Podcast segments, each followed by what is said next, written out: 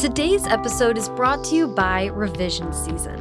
Revision Season is a seven week virtual master class in novel revision led by award winning author Elana K. Arnold. The Spring 2021 course will run from May 9th to June 26th, and enrollment opens April 1st. I was lucky enough to be a participant in the most recent round of revision season, and it was incredible. Uh, I can't say enough about how much capital T thought Elana has given to revision and how effective she is at teaching it and guiding you through her process. She's kind of put the frighteningly opaque process of revising, which is like, what does it even mean? She knows what it means, or at least what she thinks she means, and she lets you in and takes you through her steps, which is just wonderful. During revision season, Elana sends weekly video lectures and transcripts, followed by a series of assignments designed to help you put the week's lessons into practice. A weekly live call, which is recorded if you need to listen later, gives writers the opportunity to ask specific questions, and a private, moderated forum provides a space for revision season writers to connect with and learn from each other. By the end of revision season, writers will have all the tools they need to deepen, enrich, and grow their current manuscript into its next incarnation. I cannot recommend revision season enough. Learn more and sign up for the Spring 2021 course, which begins on May 9th at elanakarnold.com.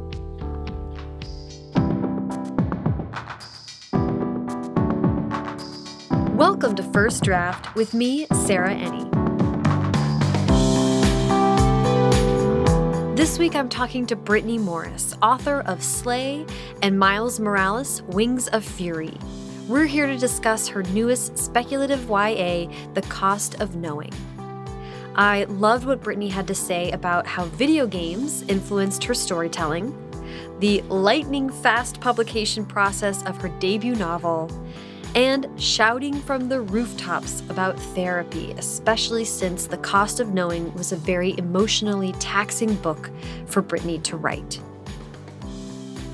If you'd like to support First Draft, a quick and easy way to do that is by subscribing to the podcast wherever you're listening right now and leave a rating or review on Apple Podcast.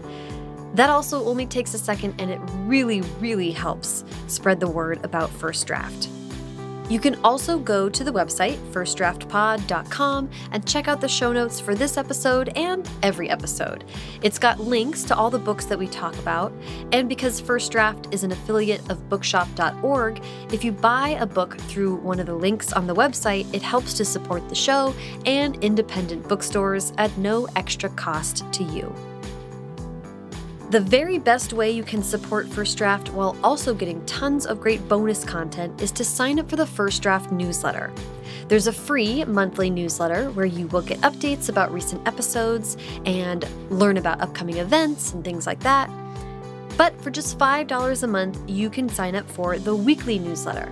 Every Friday, subscribers get exclusive interviews, publishing industry analysis, writing tips, and more in their inbox. Information useful for both new writers and seasoned vets. For example, I've recently been sharing my script for how to moderate panels um, and including a lot of tips from me that I've learned over the last six years about how to moderate a panel so that everyone on the panel shines and gets their fair share of speaking time, and everybody, including the audience, has a great time. Sign up at firstdraftpod.substack.com or find the link to sign up on the website firstdraftpod.com. Okay, now please sit back, relax, and enjoy my conversation with Brittney Morris. Hi, Brittney. How are you doing this morning? Doing well, thanks. Good. Thanks for having me. Oh, I'm so excited to talk. But before we get to your books, I would love to go way back to the beginning and ask about where you were born and raised. Yeah, so I was born and raised in Corvallis, Oregon, in the middle of nowhere, surrounded by grass seed farms where nothing happens except football and church. I would love to know about how reading and writing was part of growing up there and and for you how video games was a part of your young life. I guess it all started when I was really, really little. I decided I wanted to be an author at age nine because that was when I found out you could make a career out of writing stories. I just had no idea. Books just always seemed like these things that you got from the store, just like food at the grocery store or whatever. But to realize that somebody had to actually create them, I was like, that's what I want to do forever and always. And from there on, it was that was history. Wow. So that was how the writing started. And then plus my childhood wasn't the kindest. I grew up in an abusive home. So the blank page was often the only space where I could go where I wouldn't be judged, where I could just it was just me and my thoughts and I was free to dream up whatever I wanted. And then video games similarly, we were not really allowed to play a whole lot of them. So like they had to be very very clean. Mm-hmm. um all the way up through when I graduated high school. But the video games that I did play had a huge impact on me. I remember the first story game that I played was Super Mario Sunshine, and I just loved that there was a plot to it and there was, you know, characters to to rally behind and everything and there was, you know, you had to clean up this island and go after this perpetrator and it was just a really exciting video game. It's still one of my all-time favorites. And when I got to college, I realized just how many other story oriented video games are out there. And I realized that's something else I'd love to do is write for video games. So I'm super, super lucky to be able to do that as a career now. Yeah, yeah. Well, so I read that you, in one interview, I forget which one, um, you mentioned that you were a reluctant reader at some point growing up. So yes. it's interesting to me that also so young you found yourself drawn to books and decided to want to be a writer. So can you kind of take me through that process? Yeah. So because most of what I was allowed to read was it had to be religious and most of what I wanted to write was not religious. I think I gravitated more toward writing in the early years. It actually took a long, long time for me to truly fall in love with reading. And I mean, up until like 2017. wow, wow. Especially in college, reading economics textbooks. My major was economics. I was like, this isn't re- reading is not my thing. I never want to see a book again. I'm just going to be that one writer who's able to write and never read. That didn't happen.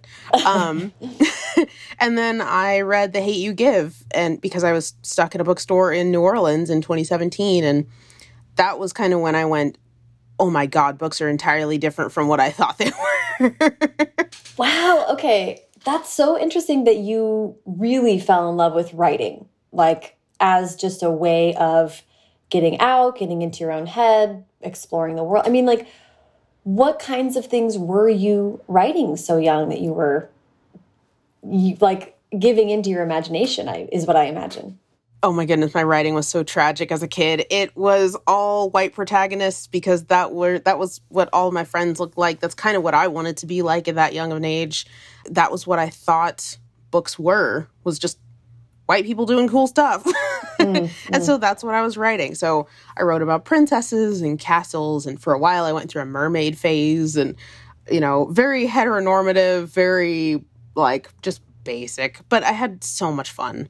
Um, and I remember when I was in the fifth grade, one of the defining moments of my childhood was going to a young authors event. Mm. And out of like a few hundred kids, I got first place. And that was the only time I'd ever gotten first place in anything as a kid. My poor parents.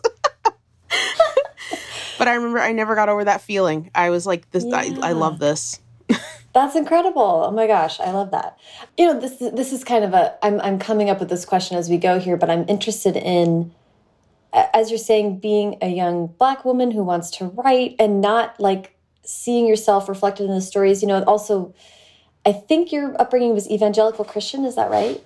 Correct, yes. Yeah, which is also like extremely white, at least in America, and religious literature, like what and and and cultural, you know, like there's plenty of Christian media, but it is also extremely white. I don't know, I'm I'm just interested in like what how you think about we don't get to choose the soup that we're stewed in, you know, when we're that young. So I don't know. How do you think back to all of those influences that are still with you that were so dominantly white?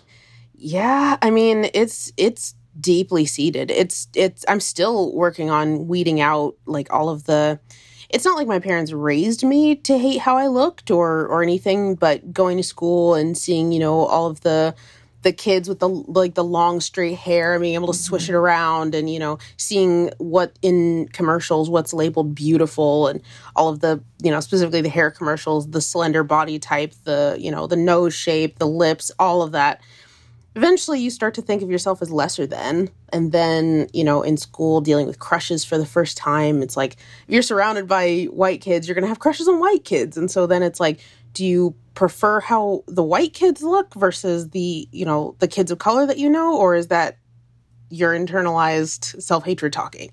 Mm-hmm. so all of that has been things that i've had to deal with. I actually i fell in love with my husband who happens to be white pretty young. We actually met in the fifth grade and we uh we started dating like right at the end of high school. Oh wow. And yeah. And so, and that was back when I was still, you know, weeding out a whole lot of my old thinking. And so I've really had to come to terms with like, you know, it raises the question like, if I had been open to anyone at that point, would I have fallen in love with the same guy? And now after thinking, I, of course, I would have. He's the love of my life. I love him. But, you know, I do have to, you know, raise my, my son. We just had my son four months ago. And, I have to, you know, have those conversations with him one day about his skin color and mommy's skin color and daddy's skin color and why mommy chose daddy and why daddy chose mommy. And mm-hmm. it's just a whole nother, it's a whole nother world. Right, right. Yeah, I mean, I've been doing a lot of thinking about that too. I think you and I are around the same age ish, and um, there's been a lot of revisiting of the culture that was around in the early 2000s, particularly is coming to mind with um, uh, I don't know, Britney Spears and a lot of other things that are sort of revisiting that time and and just being confronted with how really straight and white and male and aggressively so the world was then um, and how much that um, impacted i mean i've been you know thinking about it from my perspective and we'll talk about it in a bit but you and i are both big therapy fans so it's been coming up a lot yes. about like what has been planted in there and what needs to just get like aired out I want to hear about how your writing continued while you went to college because I know that you studied economics and wanted to be a stockbroker. That's what I heard. but you oh, also oh you were also still writing at the time, I think. Can you tell us how that how that developed? Absolutely. So I knew from a young age I wanted to be an author. That was my dream job. But at some point down the line, somebody convinced me to major to pick a major in college that was that would pay the bills, mm-hmm. read was mathematical, read mm-hmm. was scientific, something that would feed the capitalist machine. And so mm-hmm. I chose economics because I thought that was the closest thing that made sense for me that wasn't straight math mm-hmm. that would get me into the world of finance because personal finance actually still interests me. I'm super passionate about like anti predatory lending practices, financial education, and literacy for all income ranges. So, different story, different time. um, I could talk about that for forever. I love but, that stuff too. Right. So that was why I chose economics. Wasn't my favorite subject. I did like the behavioral stuff because I found that fascinating. INTJ, yeah. I could analyze anything all day. but I, I, yeah i never lost my passion for writing and i never did anything or went anywhere in college. Like i was a shut-in completely. My uh, then boyfriend now husband was back in oregon while i was in boston. So we were long distance four years and all wow. we really did in our spare time was go to the gym and skype each other. So it was just skype his skype window on one side and my my manuscript on the other. I started querying in 2010 had no idea how the querying process worked absolutely butchered it from the get-go um, i got to revise and resubmit and i was so excited and just panicked and revised it in like a few hours and sent it back. So oh man. Oh wow. threw that out the window without even knowing it. Okay we're, we're a little bit getting ahead of things. I, I do want to kind of like parse that. That's all so interesting. Just because i'm interested in you know, wow, you go to Boston, you're studying economics, like college age, the world opens up, right? So I would love to hear how how your writing changed or what were these projects that you were starting to take seriously seriously enough to starting to pursue publication on them. What were those early novels like? Yeah, so um, I think that was when my writing really started to evolve because I grew up so so sheltered. Um, pretty much all media we got to, we we could consume was either G-rated mainstream mm-hmm. or like secular or religious. So when I got to college, I remember that was the first time I was in a humanities course and we saw I think it was called The Piano. And there was oh, that was that my first movie? on the Jane yeah. Campion movie. yeah, that was the first time I had ever seen. No, it's not. I'm just sitting there in my chair, gripping the the arm rails with on screen nudity for the first time, like extremely uncomfortable, and like just realizing what else is out there in the world. We also didn't have just a generalized religion course right. beyond Christianity, so when I got to college and had that for the first time, just a general philosophy class, and actually, you know, Christianity was pretty low on the list of like reputable religions in that class. Like this this professor was like not having it. Just seeing how aligned a lot of them are and what mm-hmm. they like a lot of them have in common and mm-hmm. just the merit of so many of them was really eye-opening. So, yeah, going through all of that experience and then I went natural. Like I just cut off all my hair and went natural. So right. that's a whole nother mental journey. Yeah. It, yeah. It, it, it, changed my writing so much. but also video game storytelling.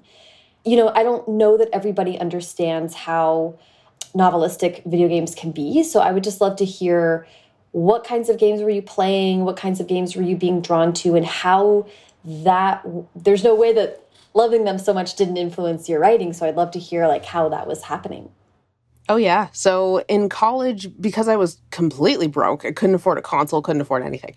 I started getting into Let's Plays. So that's for those who don't know, it's where you watch other people play video games on YouTube, on Twitch, live, wherever. I have now seen or played thousands of games at this point. a lot of them were shorter indie games, but lots and lots of games. Yeah. And there are so many that have just just beautiful, beautiful storytelling. There's uh, just as an example, there's one called Papo and Yo that will probably stick for me, stick with me forever. Spoiler alert! I'm going to talk about the ending because that's that was incredible. It's about this boy named Quico who I think he's nine years old and he lives in Brazil. And you play as him running around on rooftops and you know move like stacking boxes, which in the background turns into stacking houses.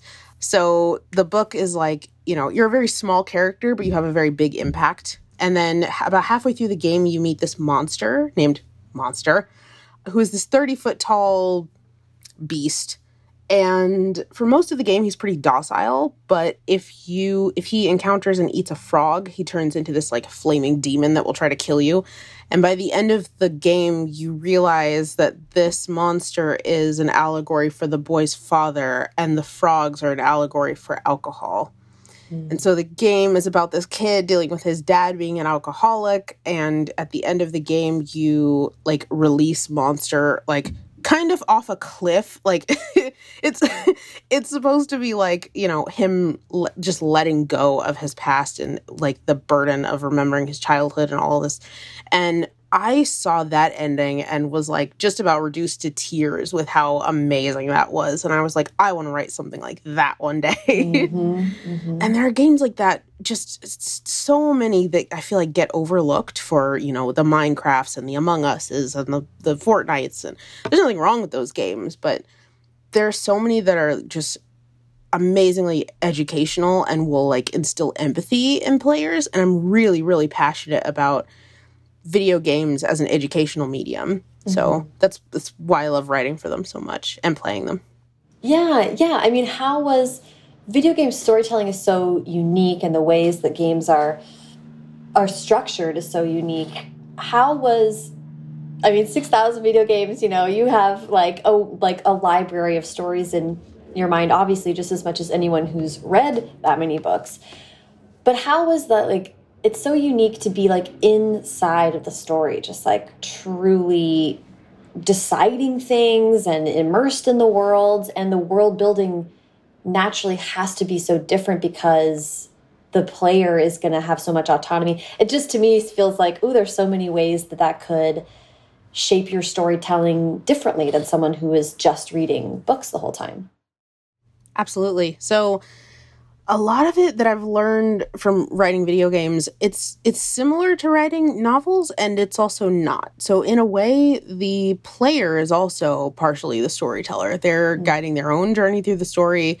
You you know, you can, as the writer, you can, you know, set up parameters, different areas where the player can't go yet. You can, you know, put up barriers so that the character's not skipping ahead to a weird part of the story without context. But you also have to be aware of different things like diminishing empathy. So, for example, if you walk up, if you're playing an RPG and you walk up to a shopkeeper and they say, Hello, welcome to my shop, take a look around that first time you're like, okay, cool. And then you take a look around. If you leave and come back and they say, hello, welcome to my shop, take a look around, you're like, this is feeling less like a character and more like an object mm, that I'm interacting with. So there are different things like that that you don't have to really take into account when you're writing a novel that are definitely a part of video games. So it's been yeah. an adventure learning all that. no, that's so interesting. And also, I mean, oh my god i mean like there's so many things that that i think are interesting about it but but what comes to mind too is like from the video game writing perspective you have to keep audience in mind in such an active way and i think there is to some degree of course we try to we try not to let this happen with writing novels but i think i think it can become such a closed world with a book just being you and your words and you being the god of your world. And your books are so audience aware. They feel such like such an open door between you and the audience. So i just would love to hear like how you think about that as you're writing. Thank you so much. Yeah i um with the cost of knowing specifically i really really delved into that i there's a page in the book that appears three times that's identical and it's it's uh, you've read it so you know it says something like the husband and wife, uh, like a husband and wife sit at their dining room table. They're very happy they live in a neighborhood where crime is rare. It tells a little bit about them. And then it says the wife hears a noise outside. The husband gets up to investigate. And after reading different chunks of the book, that paragraph has different context and hopefully different meaning for the reader. And so it can, it, it, I put that in there to show that when you read a headline on the news, or hear a story uh, or read an article, your perspective on that story changes depending on your experiences. So, as you read more into Alex's experience in his own head as a black boy, as a black boy with mental health needs, acute mental health needs, um, dealing with loss and intergenerational trauma, hopefully that paragraph will read different every time the reader reads it. I want to kind of lead up to Slay, but as you say, you you picked up The Hate U Give. I'm just interested in how or if the you know reading that book and understanding YA a little bit better, like changed your writing dramatically, or how around that time were you thinking about your writing, uh, all that stuff. Yeah, I think by the time I read The Hate U Give, I had only read one novel in which a black girl played at like one of the main characters I think the only other one I read was a book called Dave at Night by uh, Gail Carson Levine, way back in like the third grade.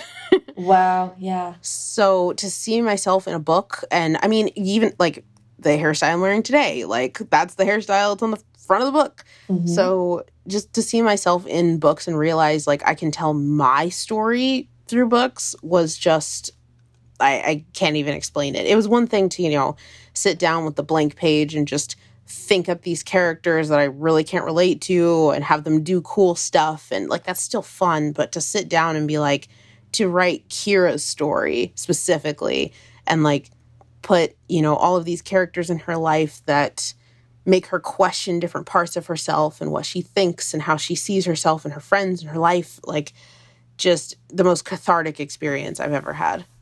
Yeah, I mean, up to that point, had you been, I know, I know you talked early about your young writing was sort of centering white characters and using them as avatars for your imagination. Had you made that shift yet before that, or what was your writing looking like in college and as you went into the world, the workforce? So a lot of my writing in college was like actually extremely cynical as I was like discovering as I was discovering the world and seeing like how dark it can get like outside of my little childhood bubble that I grew up in. So a lot of it was mm-hmm. pretty cringy if you look back on it now. But I remember I had a, a, writing professor. I remember one time she came up to me and point blank asked, Why are all of your protagonists male and white? And I was like, at the time I just said I, I I, don't I don't know. I have to go somewhere like like anywhere else. and I just really didn't want to interrogate it and now I realize like why she was asking me and planting that seed and saying, you know, might want to look into that. right, right. I mean, that's, yeah, that's interesting. It just is such a process of deconstruction, right? It just takes time to peel back the layers and and get to something that feels true. Can you can you, I would love for you to lead me to this experience you talk about writing Slay and this uh I think like 11 day writing. can you tell the, the story of how Slay came to be, please? Absolutely. So again going back to my childhood, because I was one of the only black kids, I was kind of expected to know all things black culture and be like the black culture expert for a lot of my white classmates. They would ask me, you know, to explain the music I listen to, the foods I eat, how my hair works on a scientific level. And so I grew up thinking, you know, am I black enough? Like, I don't know the answers to a lot of these questions, especially growing up sheltered. I had no idea what was going on culturally. So I was like, you know, I don't feel like I fit in with my white friends. I don't feel like I fit in with my black friends. Who am I and what's going on? And why do I feel so out of place everywhere I go? And as I got older, I mean, fast forward to me working in corporate America and also going natural and realizing how political a statement it is just to wear my hair like this mm-hmm. was a, kind of a turning point. And then when I went to see Black Panther, that was really on opening night, that was really the moment where it, it was the first time I walked into a room full of black people and just felt instantly like I belonged. And it wasn't the people's fault, it was me not allowing myself to feel like I belonged. Mm-hmm. And it was just enough for me to cross my arms and say Wakanda forever. And I was in. All of a sudden, I was black enough instantly.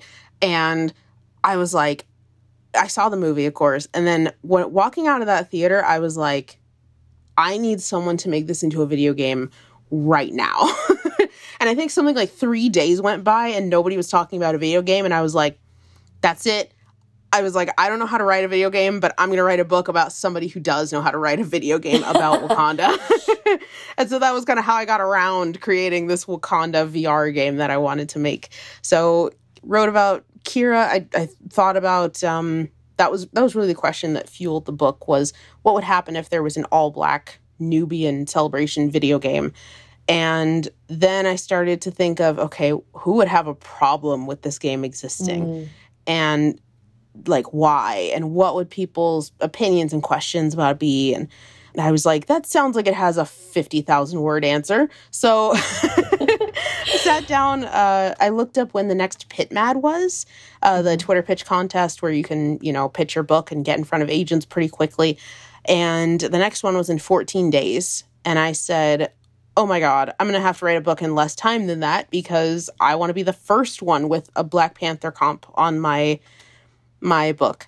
So I said, just like just to get ahead of everyone who's going to be querying with Black Panther in their query, I was like, I want to be the first. So I sat down. I told my husband, I was like, You're not going to see me for like 11 days. it's going to get ugly. I might not shower. I might not eat. I might not sleep, but we're doing this. and so I wrote the whole book in 11 days. I came down with the flu on day 12 because I pushed myself so hard. Um, right. And then I queried with my first draft, which I don't advise anyone to do. For the love of God, do not try that. You'll waste your time. I got extremely lucky. Um, but it worked, and here I am.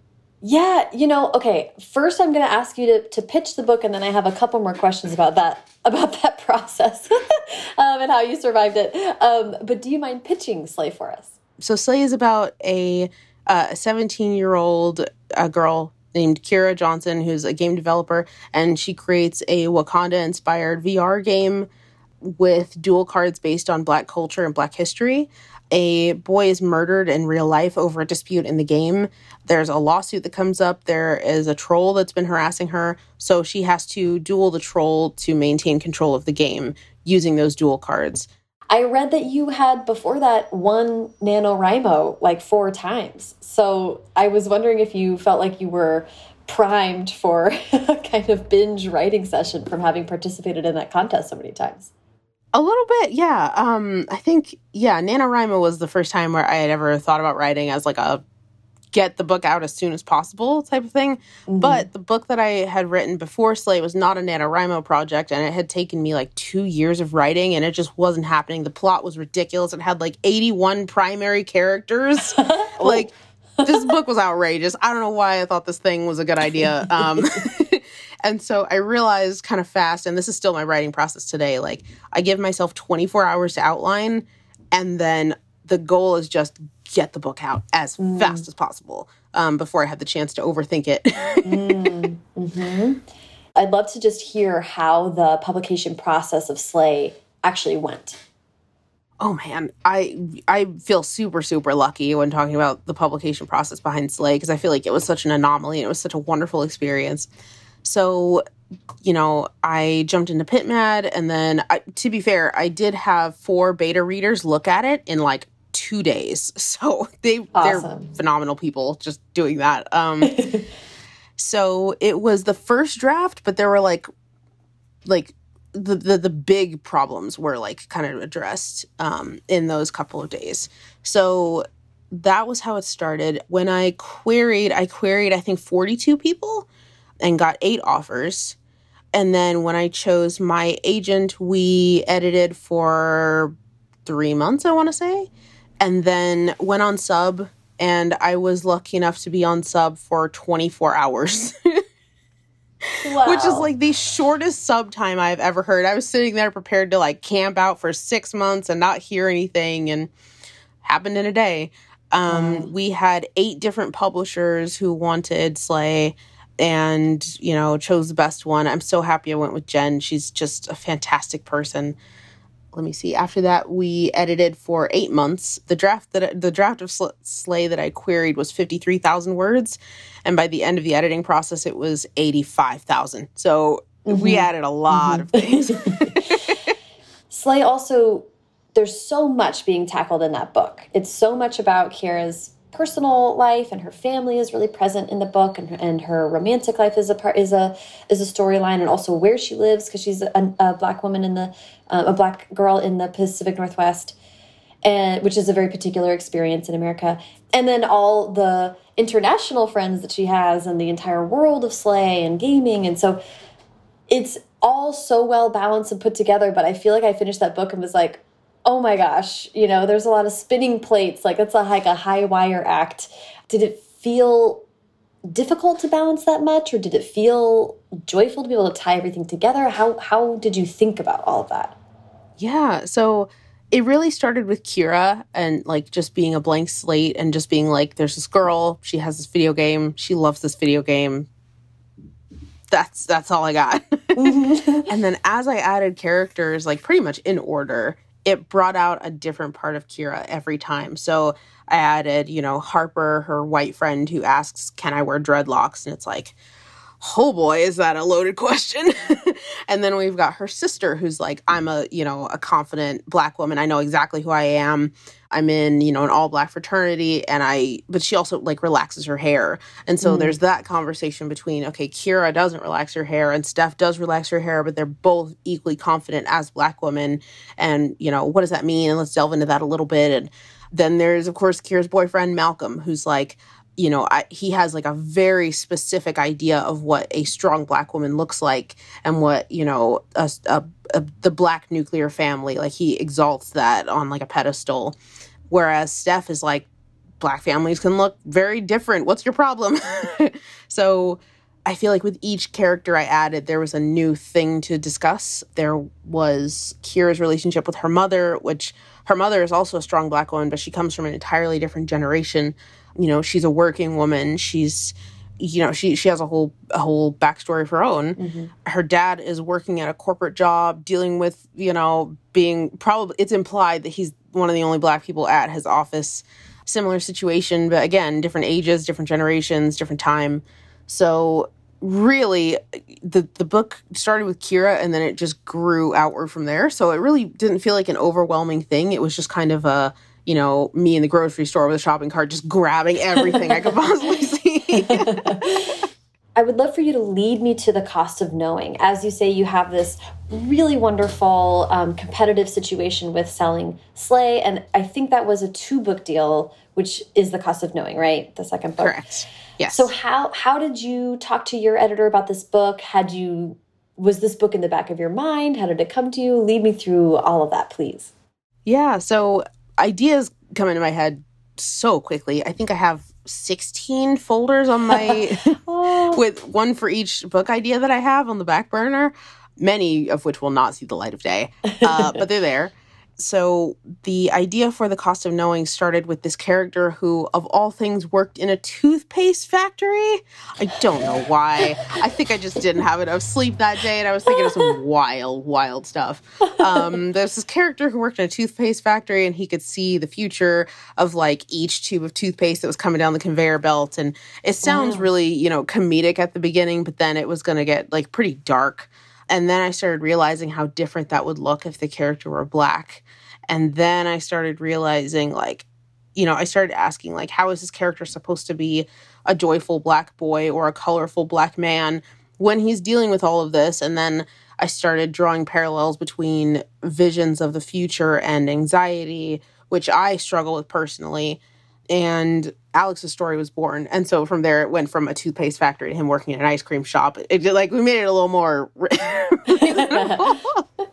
um, so I what I really wanted to do, uh, the reason why this came on the heels of Slay was because after Slay, I really like Slay celebrates black people from all walks of life, from across the globe, all ages, all genders, all backgrounds.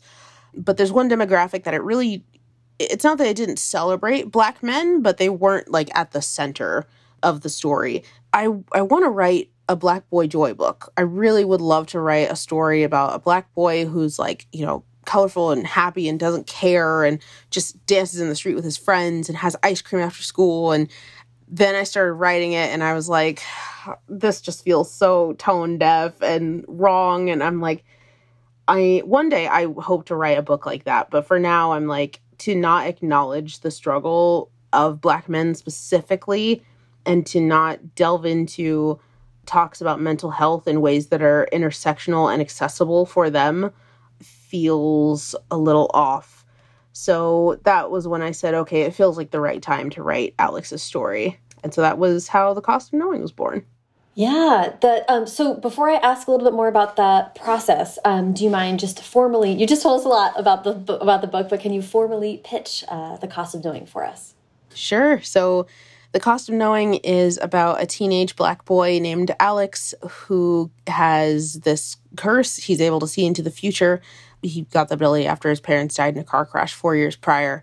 Uh, and everything changes when he sees a vision of his younger brother dying within the next few days. And so it becomes a race against time to get to the bottom of this 400 year old family curse and, you know, wrestle with anxiety about the future and trauma from the past and learning to be a black boy in the present. I'm interested just because now you are at the point that you come up with the idea for Cost of Knowing, you are in a relationship with a publisher and there's a whole line of people who need to know what you're thinking about and when you plan on finishing it. So how did you talk to your editor about the book or did you write it and then talk about it or I'd love to hear how that developed. Yeah, um, I think I just brought it up during a, a, a casual phone call. she was like, What are you doing these days? And I was like, Oh, I'm writing this thing, and this is kind of what I'm thinking. And she was like, That sounds promising. Tell me more. I love that. So it was, it was really informal. I'm going to throw out my theory of the book and see what you you tell me what you think about it. Um, okay. Because once again, you incorporate sort of superpowers. Alex can see the future and I hope this isn't a spoiler, but we we discover that there's someone with the ability to see the past and those two things and how they um, the various ways that they influence these young black boys is central to the book, and it ends up to me feeling like almost an allegory for therapy and a way to make manifest the kind of emotional work that happens in therapy. You know, like I feel like sometimes you have an amazing therapy session and you're like, like the house of my mind is painted a new color, but nobody knows that. Yeah. you know? And it's hard to express to people like, no, no, no, like I built a new room in my life today. And so in the book, you really give these things a way to participate in the world of the book. I don't know. So that's my theory or how I was thinking about it. How, how do you feel about that interpretation? Yeah, I mean, I I love that. That's pretty accurate. I think going into this, I really started thinking about, especially like at the height of, well, there's multiple heights of the Black Lives Matter movement, but whenever it's like, you know, headline news that another black person has been killed at the hands of the police. It feels very prescriptive, like the news is saying, you know, this could be you. You know, when I step outside my front door, when I get into the car, when I get pull- when I get pulled over, that kind of breeds natural anxiety about the future. And then at the mm-hmm. same time, you know, every Black History Month when it comes up in school, especially, I felt very singled out and very like Brittney is the product of all of this depressing stuff that happened back in the day. like right. they seem to want to like focus on like the, the the the sad stuff and the heavy stuff and just the traumatic stuff. And like there's all this talk about being present and living in the moment and you know centering your mind on the now and mm-hmm. that is extremely hard for someone who feels sandwiched between the two extremes. So I think yeah, as you said, it naturally talks about like mental health and you know seeing into the past and seeing into the future and what you know what the connotations of both are. I'll ask this question just about the process of writing that book because it did there's some claustrophobic feeling to that. There's you know the narrative is showing you this that anxiousness and worry with every step that alex experiences. And so i'd love to you know hear how writing this book you already mentioned it was in your author's note, you say, or in your acknowledgments, you say it was an emotional wood chipper. Yes. so I I mean I knew writing this book that this could be potentially triggering for a lot of readers and I've already like had a couple people come up to me and say, you know, I'm so sorry. I love your writing, but I had to DNF this book and I'm like, you know what? Do whatever you need to do. Like protect yourself, know your scars, only read stuff that's not going to hurt you. Totally cool with that but yeah, writing this was it was a lot to to unearth and really grapple with and everything. And editing this in the like a few months into the pandemic and also being pregnant and finding out there was a boy, it just you know, it really really all I wanted to do was sleep. That was that was it. all I wanted to do was sleep. I didn't want to get out of bed. It was terrible. Um, mm-hmm. for quite a bit of time there. So yeah, it was it was very very hard. And I think after each editing round, like my editor makes editing a fantastic experience, even though it's probably my least favorite part of the writing process. But this time, after every editing round, I was like, I never want to see this book again. right. I mean, and as you say, you were like, you're in your life, particularly being pregnant and having a son, and then globally, we're in this pandemic. And then in America, we are having this incredible conversation about reckoning with racial injustice and and and to your point the role that black people play in our culture and what they are allowed to be or not allowed to be. So how did you how or did you find ways to you know give yourself a break or heal yourself? Or how as a writer did you engage with like self-care in this process? You know i wish i could say i did a better job at self-care throughout the throughout the editing process but at the same time as editing The Cost of Knowing, I was also writing two different video games and writing Miles Morales Wings of Fury. So I didn't have time to breathe. It felt a lot like the Slay drafting experience, but mm. like for a solid four or five months straight. So wow. in a way, I ran myself into the ground in 2020. And now that I can, you know, breathe and I like I'm coming up to the end of my maternity leave, like I'm able to just kind of take like I'm I'm really really focusing on taking walks, getting out in the fresh air. I want to start doing yoga again here pretty soon, just waiting for my C-section stuff to heal up. So, yeah, I'm I feel like I'm I'm prioritizing that more, prioritizing getting sleep. I'm extremely lucky in that my husband has decided that he wants to be a stay-at-home dad. So, I have lots and lots of help at the house so I'm able to do that. That's great. Oh, that's really wonderful. It's a very emotional book. It deals with so many different facets of the world that young black boys are confronted with. And it's so aggressively about therapy. and then you were having this really intense, acute emotional experience while you were writing it. I mean, how, what do you hope that readers take from the book about caring for themselves and and dealing with the weight that's put on them. Yeah, I mean, taking care of yourself is work.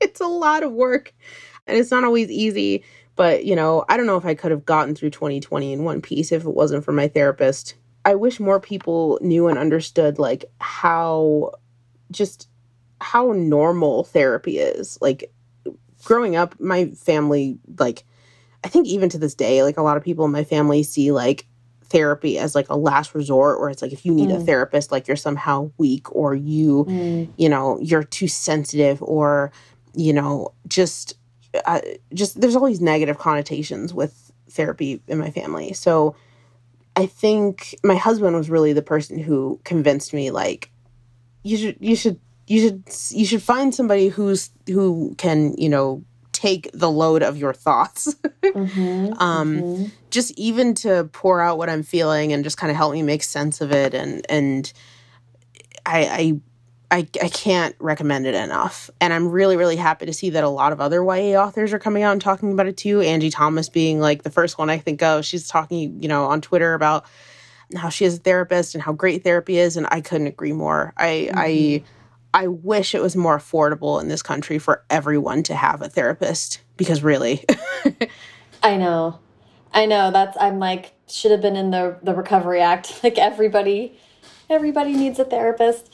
Seriously. Um, throughout the book, the other form of healing that takes place is through conversation and connection and honesty with each other, which feels like also just really refreshing to see, I think, put in a book. Like, you know, if you just take a breath and reach out to someone and be vulnerable, that's how we heal or, or bring other people's experiences into our lives. So, and especially with you know I've uh, um, a few books I've read recently about black families and black history is is have had discussions of silence within families and how that can be its own kind of trauma or you know scary in a way. If you don't know you your history or people aren't willing to talk about difficult things.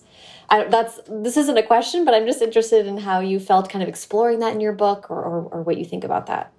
Yeah um so in the book, I mean, as Alex is talking about just things that he might be discussing with a therapist if he had one, there are several characters in the book that, you know, bounce their ideas and opinions. And there's even a few moments of, oh, hey, I'm going through that too. And he's like, wait a minute, really?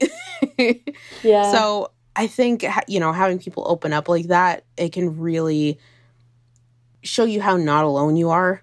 And so, yeah, those were some of my favorite moments for Alex. Like, those, those moments of joy and solidarity where he doesn't feel so alone. I would love to hear about, as you mentioned before, you did a little bit of writing for video games this year as well. I'd love to hear anything you can tell us about what that experience is like, how you got those chances, and what was it like writing a video game? Yeah, I'm, I mean, oh my goodness, writing for video games has been such a fun experience. I it actually all started with a tweet again. So Amazing. with Slay, with Slay, I jumped into PitMad, and that's where that started. Now we're tweeting again for video games. So I got on Twitter one day, and I think somebody on Twitter had said something like, you know, practice manifesting what you want into the universe and like just asking for what you want. And so I retweeted it and I said, I would love to write for video games one day. and like put a heart there and everything. I was like, that, that's it. That's the tweet. Um, and then in the next couple of days, like I got a DM from Heather Rose Walters from Soma Games, and she was like, "Hey, we're working on this game. It's about this, you know, little book series called Redwall. Have you heard of it?" And I was like, "What? Yes. Have I heard of it? My God." so I was like, "Uh, yes, interested." And then after that, that put me in connection with a person on Twitter by the name of Chella Ramanan, who has she's a, a BAFTA nominee actually. Her her she has a game called Before I Forget, which is phenomenal. But coming back on topic, she put me in connection with the people at Unknown Worlds with Subnautica. And so that was how I got that role. And then after having written for video games a little bit, Titan Books and Marvel reached out to me and they were like, "Hey, have you played the Spider-Man PS4 game and would you be interested in writing a book related to that?" And I was like, "What is the universe doing? This is ridiculous." and so it's just taken off from there. Yeah, the Miles Morales book is the prequel to the video game, is that right? Uh, it's the prequel to the PS5 game. So the novel takes place right between the two. Ugh, so exciting. I'll I'm not the biggest video game person, but I did see a teaser that uh, where Miles Morales has a cat, and I was like, okay, I'm yes. in. That's all I need. right. So good. Um, that's so. Just really quick, like, what was your role? Like, like, what did you get to actually do? In were you writing scripts? Were you coming up with the story design ideas? What were you actually able to dig in and do in these processes? Yeah, so good question. They were both very, very different. With Redwall, they came to me and they said that I mean, it's still not public, so I can't give sum uh, can't give super like a lot of details, but they came to me and they said we have this character, we have this like very very loose idea of what happens. Like I think it was like a sentence long, and they were like, come up with twenty five thousand words, like a twenty five thousand word outline, uh, an outline for a twenty five thousand word story, and write it. So I came up with a 25,000 word idea. Wow. Um, I organized it into five chapters and then gave like a one sentence summary of what happens in each one. And I said, Does this look good? And they were like, Looks good. Go for it. So jumped into a program called Articy Draft where you, you know, put like what happens like the, in the environment um, and then like choices in there so you can say like you know if the character chooses this and then or this and then if they choose a or b and that goes to you know one two and three it's a huge web of like player choices that you can make. So that was my first experience writing in like a video game writing program. Uh, so that was a lot of fun. Those are called decision trees, by the way. That was the word I was thinking of. Love it, love it. And then with Subnautica, it was very, very different. There was already like a fleshed out game, eh, like established. They had had a writer on the project previously, and then they had the, they had a, a brand new like narrative lead uh, on the project who uh, I was reporting to. They basically said, We want to make this character a black woman. We want this character to be authentic. We want to listen to you. And we want you to, you know, give your more, it was more like a consultancy role so that was very, very different. Uh, there were also a lot of different parts of the game that they wanted to add in. So they had a lot of new like encyclopedia entries. They had a lot of like plant species they wanted us to write about. They had a lot of dialogue that they wanted us to critique and rewrite. So very, very different experiences. One of them was like make up a recipe and then make the make follow the recipe. And then another one was we have the recipe, help. right, right. That's so cool. That's amazing. I love to just wrap up with advice. And, you know, I'd love to hear from you if you have any advice for writers who want to tackle the intricate interconnectedness of social issues the way that you do. I'd love to hear if you have any words of advice for writers tackling that kind of thing. Yeah. Um, so that's a great question. Let me see. I guess my advice would be in writing social commentary books, you have a really, really unique perspective.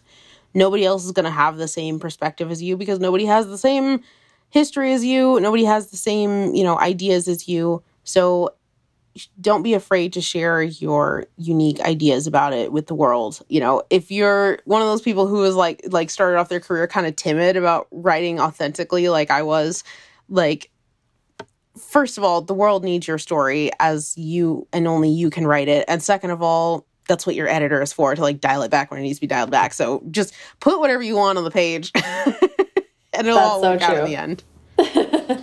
that's so true. Yeah, that, go too far and have the editor pull you back is is a good way of thinking about it. yes. Um, this has been such a joyous interview, Brittney. Thank you so much for all your time today. Thank you so much to Brittney. Follow her on Twitter and Instagram at Brittney M. Morris. Follow me on both at Sarah Enni and the show at First Draft Pod. This episode was brought to you by Revision Season, the seven week virtual masterclass in novel revision led by award winning author Elana K. Arnold. The spring 2021 course will run from May 9th to June 26th, and enrollment opens April 1st. Learn more at elanakarnold.com. As I mentioned at the top of the show, leaving a rating or review on Apple Podcasts is a great and easy way to help support the show and put us in front of new listeners. I'm going to read a review that was left now. This was left by SMT730. SMT730 says, Great! Lovely. Sarah is a wonderful, supportive interviewer, and the guests are always thoughtful, unique, and insightful.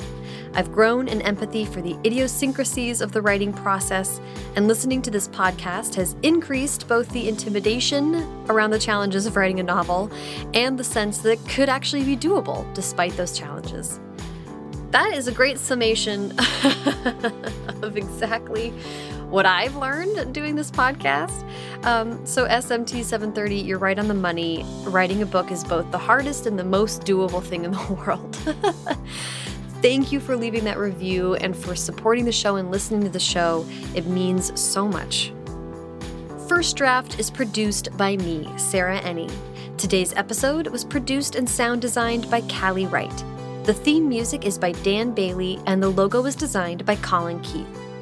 Thanks to social media director Jennifer Nkosi and transcriptionist at large Julie Anderson. And as ever, thanks to you, Twitter manifestors, for listening.